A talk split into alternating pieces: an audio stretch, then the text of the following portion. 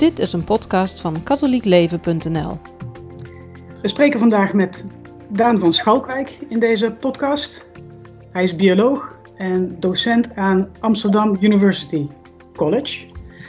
Uh, maar voordat ik jou uh, voorstel, kun je dat misschien beter zelf, uh, zelf doen. Ja, dankjewel Daphne. Wat leuk dat ik hier kan zijn om met jou te spreken over dit thema rond een symposium dat we recent hebben gehad. Over ehm, ja, voltooid leven, dingen die daarmee te maken hebben. Um, ja, mijn achtergrond is inderdaad in de theoretische biologie. Um, ik, um, ik ben iemand die eigenlijk altijd is bezig geweest met grote vragen. En een van mijn redenen om, om biologie te gaan studeren, was dat ik eigenlijk op zoek was naar, naar antwoorden op grote vragen in mijn, in mijn leven. ik ben van huis uit katholiek, maar ik ben eigenlijk in mijn tienerjaren was ik daar niet heel erg mee bezig. En ik dacht dat veel, veel van die vragen juist dus in de, in de wetenschap een oplossing zouden kunnen krijgen. Alleen toen, uh, in, toen ik 18 was, toen was in 2000, was, ik, was de Wereldjongerendagen in Rome. En daar ben ik toen heen geweest, samen met een aantal mensen van mijn parochie. En ik heb toen eigenlijk gezien, dat tegelijkertijd dat ik begon te studeren met biologie, begon ik ook in te zien dat, het, dat veel van de vooroordelen die ik had over het katholieke geloof, dat die eigenlijk niet zo ja, reëel waren. En dus ik, ik, ik begon op een andere manier naar mijn geloof te kijken. Um, en ik ben daar ook, ik ben toen in contact gekomen met, met Leiden College. Dat is een huis waar ik nu woon. Dat is een studentenhuis gerelateerd aan het Opus Dei in Amsterdam. En daar kwam ik eigenlijk met de vraag van, ja, kan je, kan je geloof en wetenschap, kan je dat eigenlijk combineren? En ze hebben me toen gezegd van, ja, laat ons je leren wat geloof is. Dan kan je zelf kijken of dat te combineren is met wetenschap. En uh, nou, dat heb ik gedaan. En ik heb me daar veel verdiept. Daar ben ik nog altijd heel dankbaar voor. En heb inderdaad gezien dat het, dat het goed te combineren is, geloof en wetenschap. En um, nou ja, ik heb een van de dingen die ik op die weg ben tegengekomen is een, een filosoof die heet Peter Kreeft uit, uh, uit, uh, uit de Verenigde Staten. Hij, geeft, hij is een, van Nederlandse afkomst, denk ik, maar hij geeft, heeft lang les gegeven in de VS op Boston College. En die man die heeft me ontzettend geïnspireerd um, om te schrijven, om, om dus filosofisch na te denken en om te schrijven. En dat heb ik eigenlijk altijd willen gaan doen. Hè? Dus ik heb een tijd lang heb ik, uh, ik heb gewerkt op TNO um, als, uh, als onderzoeker. Ik heb een proefschrift geschreven over wiskunde en, um, en, en, cholesterol, gezondheid. Dus ik ben wel een beetje in de gezondheidshoek terechtgekomen. Alleen, ja, daar, um, daar kwam ik gewoon grote vragen tegen, ook die, die ik niet zo kon beantwoorden. Uh, en ik, dus theoretische biologie is een soort is een combinatie van, van biologie, wiskunde, waar ik me eerst heel op heb gefocust, en daarna ook filosofie. En voor mij is eigenlijk de laatste tijd de filosofie veel belangrijker geworden. Ook geïnspireerd door, door Peter, Peter Kreeft. Echt het verlangen om zeg maar, boeken te schrijven om mensen te helpen om na te denken over grote vragen. Dat is daar eigenlijk op geïnspireerd.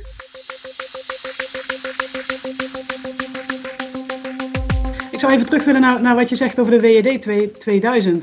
Je zei van um, um, dat je wat vooroordelen had over, uh, over katholiek geloof. Dus dan ben ik wel benieuwd om te horen van uh, welke dat waren. Ja, het was een beetje puberaal misschien. Ik, uh, ik, ik, dacht, ik had, het, is een, nou, het is een beeld wat, wat gewoon leefde, dat ik dacht van, nou ja, alle, alle gelovige mensen zijn of saai of hypocriet. Dat is een beetje mijn voordeel. En de grap was dat ik, toen ik dus in de, bij de Wereldjongerendagen kwam, ik ging, we gingen samen met een aantal mensen van mijn eigen parochie, maar ook met andere parochies. Uh, ik moet zeggen dat uh, de mensen van de andere parochies waren iets meer bezig met hun geloof.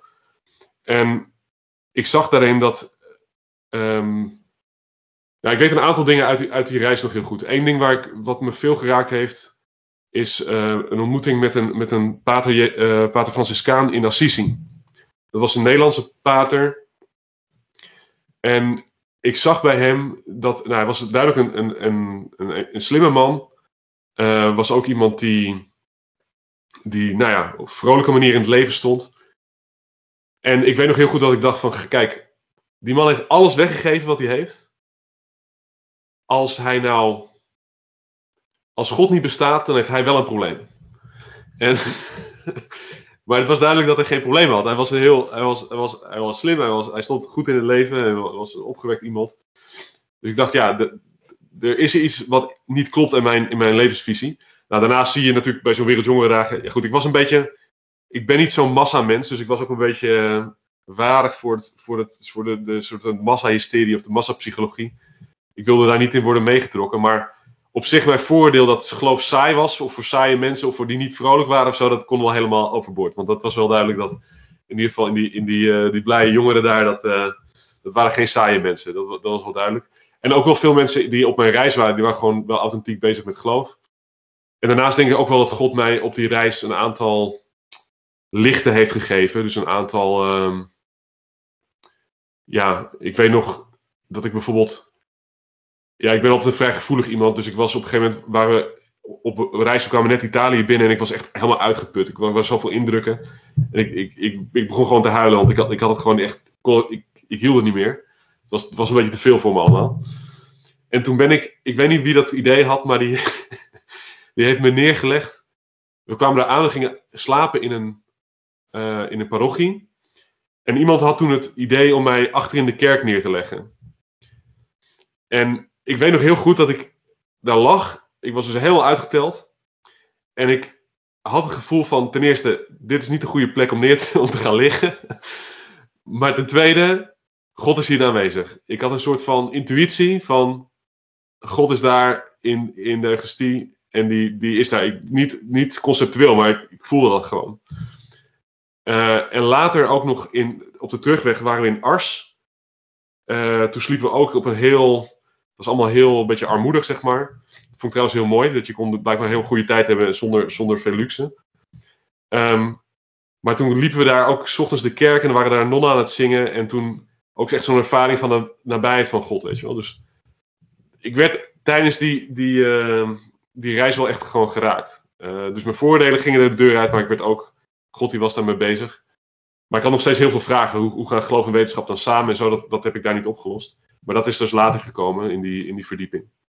Maar die, die, die Wereldjongerendagen zijn dus eigenlijk wel het begin geweest van een, uh, van een route uh, waarin geloof en wetenschap uiteindelijk bij elkaar uh, zijn gekomen. Ja, dat klopt, ja. ja het, het, is, het is een, wat mij betreft, denk ik, zou het beschrijven als een motiva motivatie. Dus het motiveerde me. En ja, dus een beetje genade van God die, die me geraakt heeft daar. Uh, en inderdaad, het is een begin geweest van een, van een, van een weg.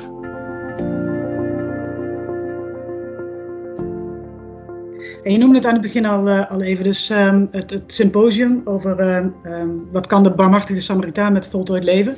Ja. Op 24 april um, was jij een van de inleiders op dat symposium. Die, uh, dat werd georganiseerd door de Stichting Katholieke Medische Ethiek. Ja.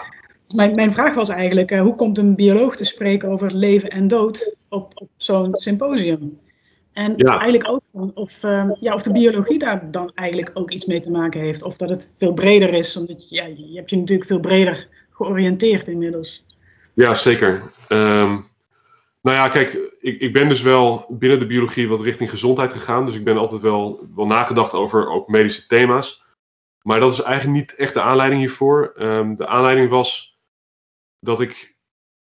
Nou, ik, ik heb een, het is een goede vriend van mij die um, toen dit speelde, dat was in 2017. Uh, dat was eigenlijk voor de vorige verkiezingen. Toen, toen, was, dit weer, toen was het een thema wat, wat opkwam. En uh, nou ja, ik, ik, was, ik was enigszins betrokken bij een, uh, een, groep mensen die, die na aan een soort netwerk van medisch, mensen die medisch ethisch geïnteresseerd zijn. Um, ja, dat zijn thema's op zich die ik gewoon, waar ik een brede interesse voor heb. Dat vind, ik, vind ik interessant. Um, en toen, toen zag ik dat die vriend van mij, uh, die betrokken is bij D66, ging spreken over het thema van voltooid leven en dat ook ging verdedigen. Uh, het idee van D66. En dat vond ik, dat vond ik toch wel enigszins uh, ja, problematisch of jammer of, uh, nou ja, dat, hij, dat dat ging doen. En toen dacht ik, oké, okay, ja, ik ga met hem afspreken. En toen heb ik, voor die discussie eigenlijk, heb ik met hem gegeten. En nou, het is een heel sympathieke vent. Um, en we hebben een heel, heel goed gesprek daarover gehad. Um, daarna heeft, is hij de discussie ingegaan. Uh, ik heb dat aangehoord en ik heb, um, ik heb daar, ja, ik ben daarbij geweest. En toen kwamen er ook een aantal artikelen over dat thema, ook van zijn hand in de krant. En toen dacht ik, oké, ik moet hierop reageren. Dus ik ben toen, ben toen gaan reageren op, het, op dat thema. Ik heb een brief geschreven ook naar de Volkskrant hierover. Ehm, en toen was er, daarna was er een, een, een, avond van die, van die kennissenkring medische ethiek, heette dat, dat dan. En daar kwam ik ehm, Lambert Hendricks tegen. Um, ik, we kennen elkaar nog niet. en toen ontstond eigenlijk het idee, dat ging eigenlijk ook weer over dat thema. En toen ontstond het idee van, ja, we moeten hier eigenlijk wat mee doen. en toen dacht ik, wat? Nou ja, laten we eens, ik, ik begon te kijken van, ja, zijn er, is er materiaal over dit thema? Want ik, ik wil graag gewoon een christelijk visie kunnen geven op dit thema. En toen begon ik te kijken, er, was in het verleden, lang, geleden, wel iets geschreven over, maar dat, was ook geen eens meer beschikbaar. Was meer van de protestantse kant. En toen dacht ik, ja, het is echt wel jammer dat er gewoon helemaal niks beschikbaar is om, uh, ja, vanuit katholieke hoek, om, om te laten zien van waarom katholieken dit eigenlijk uh, een probleem vinden. Of, of waar, hoe je er op een andere manier tegenover kan staan. Hè? Dus, want het christelijke standpunt wordt altijd een beetje weggezegd van ja, dat is achterhaald of zo. Maar er zijn natuurlijk heel goede redenen voor waarom mensen um, zoiets doen. En er zit een bepaalde waarde achter, een bepaalde levensvisie. Um, nou ja, ik, ik ben dus altijd iemand een beetje van het grote kader. Ik hou van. Dus, ook mijn, mijn bekering was meer een bekering van. Ik zag op een gegeven moment het grote plaatje, hoe het allemaal samenviel. En toen dacht ik: oké, dit, is, dit is redelijk, hier wil ik wat mee. Um, en ik dacht van, ik, ik vind het jammer dat er eigenlijk weinig aandacht is voor het grote plaatje rondom het levenseinde. En dat was mijn motivatie dan om samen met Lambert Hendricks dat, dat boekje te gaan, uh, te gaan schrijven. Uh, maar ik merkte dat ik dus zeg maar dat setje nodig had van die vriend om, om echt ook actief wat mee te gaan doen.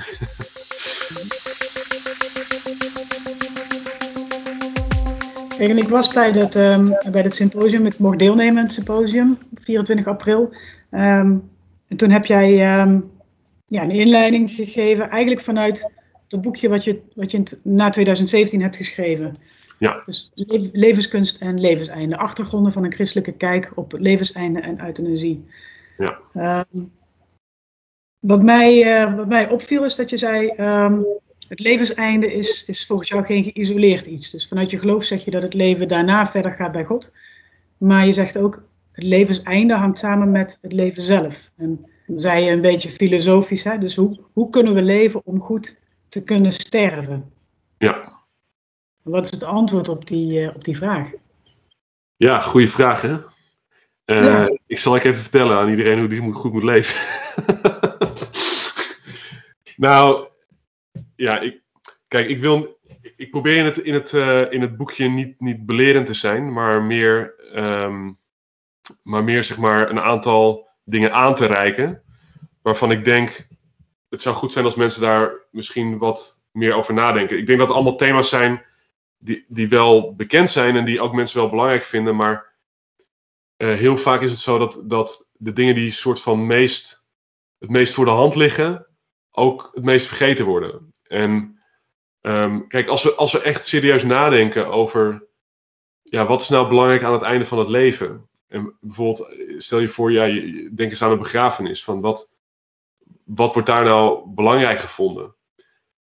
Ja, dan denk ik dat er maar weinig mensen zijn die zeggen van ja, wat nou echt belangrijk is op iemands, op, aan het einde van iemands leven, is hoe ongelooflijk veel professioneel succes die persoon nou heeft gehad.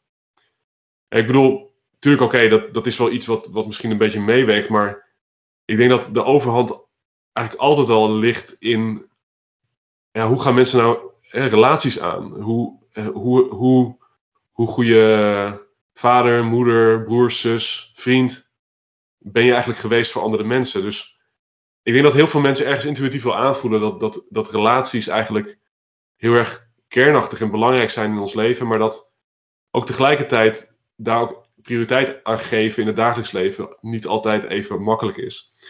Ik denk dat bij het levenseinde dat je heel duidelijk ziet zeg maar, hoe, hoe heeft iemand geleefd? Um, en dus inderdaad, hoe je sterft en dan vooral ook het relationele element. Uh, sterft iemand alleen? Of sterft iemand omgeven door mensen die veel van hem houden of van haar houden? Um, ja, dat zijn dingen die, die, die heel, natuurlijk heel. Het is heel anders. Hè? Of iemand de eenzaamheid of de niet-eenzaamheid van het, van, het, van het heen gaan. En inderdaad, voor, voor gelovige mensen, um, voor mij en ik denk voor, voor, voor katholieken, voor christenen, is het natuurlijk zo dat dat niet alleen maar de relatie is met andere mensen, maar ook belangrijk de relatie met God. Die overigens ook samen natuurlijk opgaat met een goede relatie met andere mensen.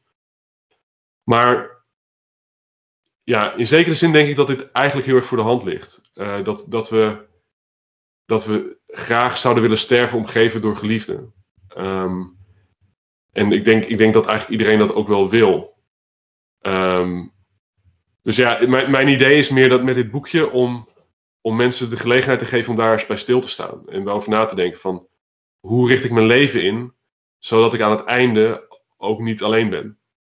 Um, ik denk overigens dat dit een groot probleem is in onze maatschappij op dit moment. Hè? Dus er was laatst weer een onderzoek dat, ik geloof, een, derde van de, van de Amsterdammers of, of meer uh, voelen zich eenzaam en, eh, en ook soms ernstig. En, um, dus eenzaamheid is echt een groot thema in deze maatschappij. En ik denk dat we daar echt wat mee, wat mee moeten.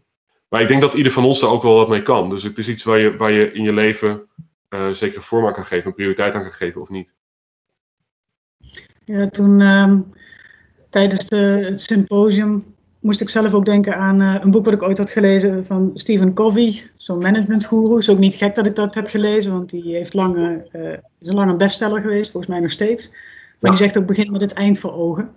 En ehm, toen ik als voorbereiding op dit gesprek jouw boekje doornam, toen zag ik dat hij daar ook in voorkwam. Dus je noemt hem ook. Nee, klopt. Ik ben, ik ben wel fan ja, van, van Covey. Hij is iemand die. Um, ik vind het heel mooi hoe hij in zijn leiderschapsdenken uh, eigenlijk probeert naar, naar inderdaad heel universele uitgangspunten te gaan, die, die, die eigenlijk vooral uh, gebaseerd zijn op ervaring. Dus hij is ook niet, tenminste in mijn beleving, niet heel dogmatisch. Dus hij is niet iemand die zegt van je moet dit vinden, je moet dat vinden. Maar hij zegt wel van, nou denk er eens over na. Wat, hoe zou je nou willen dat, dat het einde van je leven is? Um, en dat is ook wel ongeveer wat ik zou willen met dit boekje. Ja. Dus Um, goed, ik, ik, ik denk dus dat dat relationele dat, dat, dat belangrijk is.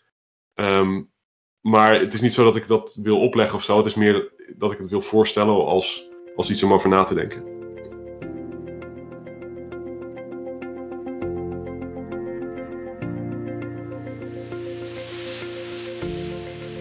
En wat is dan de relatie met, uh, met uh, ja, het leven euthanasie? Want ik kan me voorstellen dat mensen ook zeggen, ja, ik kan heel liefdevol te midden van mijn, uh, van mijn naaste uh, zelf voor mijn dood kiezen. Hè? Mm Omringd door mijn naaste. Ja, um, nou wat voltooid leven betreft zijn we inmiddels natuurlijk wel verder gekomen. En de commissie Snabel bijvoorbeeld, die heeft gezegd dat die wet eigenlijk niet nodig is. Nou, de vraag is dan voor mij, waarom wordt die alsnog zo naar voren gebracht, zo gepusht? En ja, nou op zijn best zou je denk ik een soort van idealisme in kunnen zien van, van autonomie. We willen autonome mensen hebben en mensen, dat mensen autonoom kunnen beslissen. Maar goed, als je het wat cynischer bekijkt, kan je ook zeggen van nou, het is wel heel goedkoop voor de samenleving als oude mensen zelf uit het leven stappen. En natuurlijk, ja, we hebben steeds meer oudere mensen, meer vergrijzing en dat kost veel geld. Maar goed, zo'n wet geeft natuurlijk een, een signaal vanuit de samenleving naar ouderen toe. En als die wet er is, in zekere zin dwing je ouderen om een keuze te maken. Hè, van zal ik er een einde maken of niet? En ik denk eigenlijk dat het heel vreed is om, om, om zwakke mensen met zo'n keuze te confronteren. In plaats van dat het zoals het nu eigenlijk geen issue is. Hè. Je bent altijd waardevol en gewild en dat ligt helemaal niet op tafel. Ik denk dat we hier een beetje moeten nadenken over um, wat, wat de rol is van, van, de, van de overheid, maar wat de rol is van de maatschappij als geheel. En hoe we, ja, hoe we hierin staan. Hè. Dus inderdaad, wat je net zegt, um, dat is ook een van de, van de argumenten die, die, die D66-vriend van mij zei van ja, D66 staat ook heel erg voor relaties. Uh, we, willen ook graag dat mensen uh, samen zijn eh, of samen kunnen zijn. We willen ook dat er een, een, begeleider is aan het einde van, de, van, het, van het leven en zo. Goed, een andere vraag is, ja, wie, wat, is, wat is nou de rol van de maatschappij als geheel hierin? En ik denk dat um, het is goed om te beseffen dat wij, mensen zijn sociale wezens. We, we hebben de neiging tegenwoordig om heel erg te denken in individuen. We zijn individuen. En, en het, denken, het politieke denken, het, ook het economisch denken, het, hele, heel veel denken gaat eigenlijk uit van dat idee van individu. Maar ja, volgens mij klopt dat gewoon niet. Het, is, het, is, het is een soort abstractie. Um, eigenlijk zijn wij volgens mij personen. En persoon, een persoon is ten diepste een relationeel iemand. Goed, het, het concept persoon komt voort uit de, uit de nou goed, ja, het, is, het is oorspronkelijk een Griekse term, uh, maar ik denk dat in het christendom heeft dat heel duidelijk een lading gekregen van relationaliteit. Want we spreken over, de, over drie personen in God. En daarin hebben we God de Vader, God de Zoon, God de Heilige Geest. Er is één God, maar drie personen. En die, het persoon zijn refereert precies naar dat, het relationele. Dus God de Vader heeft een relatie met, brengt God de Zoon voort. Dus een relatie van voortbrenging.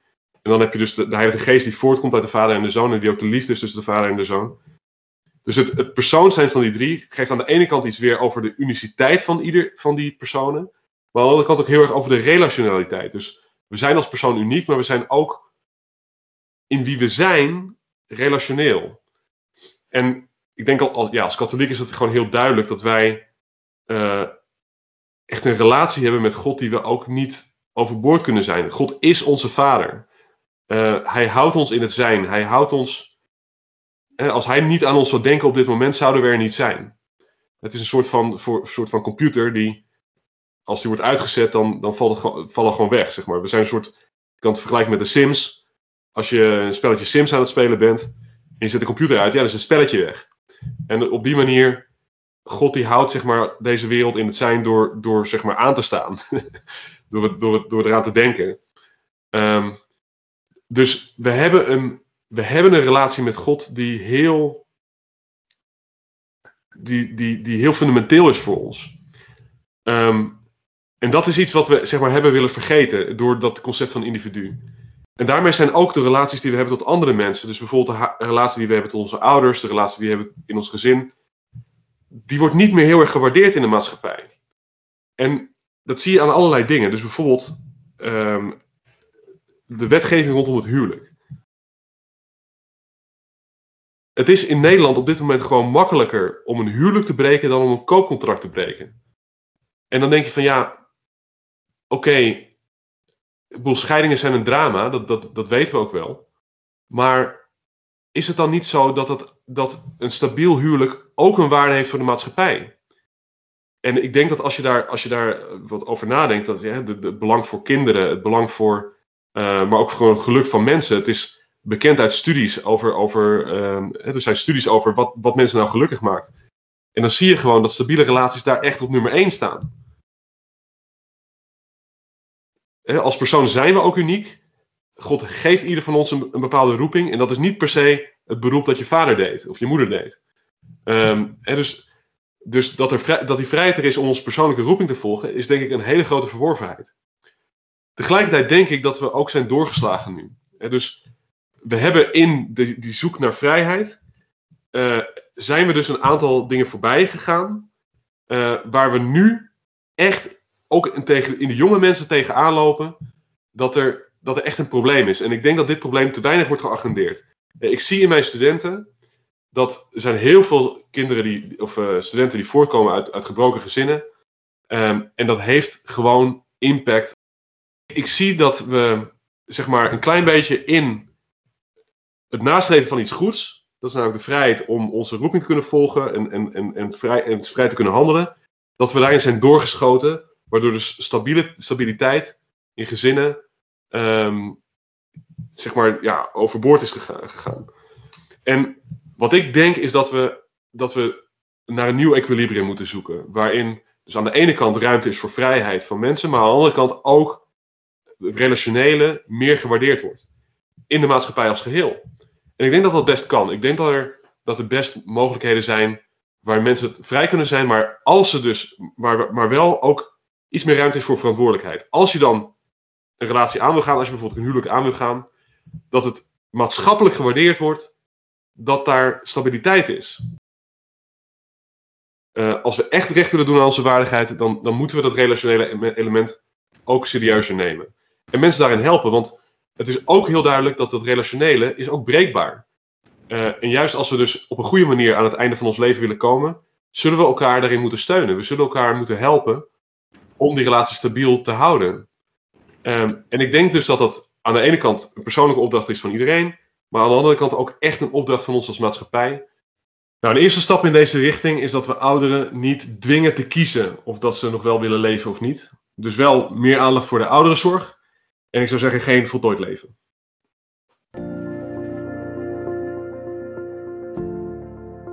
Ja, en uh, tijdens de, ehm, je inleiding op het symposium um, sprak je ook over um, goed beheer.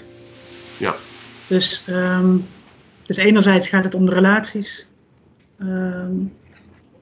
en relaties die kwetsbaar zijn, uh, maar die ons ook zijn toevertrouwd. En dat daarom juist een goed beheer ook belangrijk is. En dat is natuurlijk, dat is ook geworteld in je geloof. Wat je daarover zegt. Ja, nou, dit is ook een, een, een concept wat, wat zeker natuurlijk uh, ja, is geïnspireerd op, op het boek van Genesis, hè, dus waar God uh, de mens, de, de, mens de, de, opdracht geeft om de aarde te bewerken en te beheren. En ja, wat is beheer nou? nou het is iets wat je, wat je ontvangt.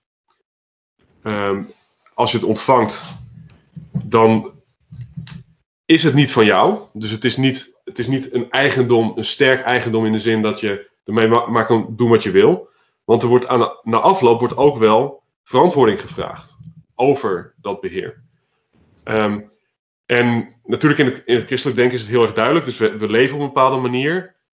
Aan het eind van ons leven, dan, dan zullen we ook God ontmoeten. En die zal ons vragen van, nou ja, wat heb je ervan gemaakt? Dus geef verantwoording over je beheer.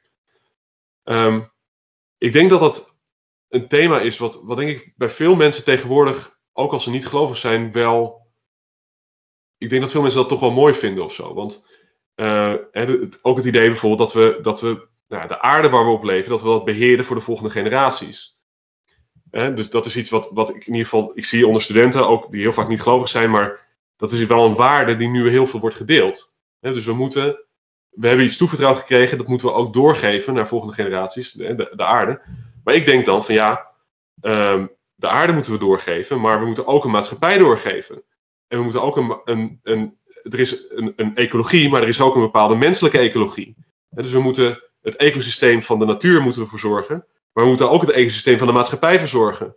Waarin we dus uh, proberen om, om stabiele, liefdevolle relaties te hebben die denk ik uh, voor heel veel mensen, als we gelovig zijn of niet, belangrijk zijn. Dus ik denk dat dit concept van beheer, dat vanuit het geloof heel duidelijk is, ook voor niet-gelovige mensen toch best wel een inspiratie kan zijn.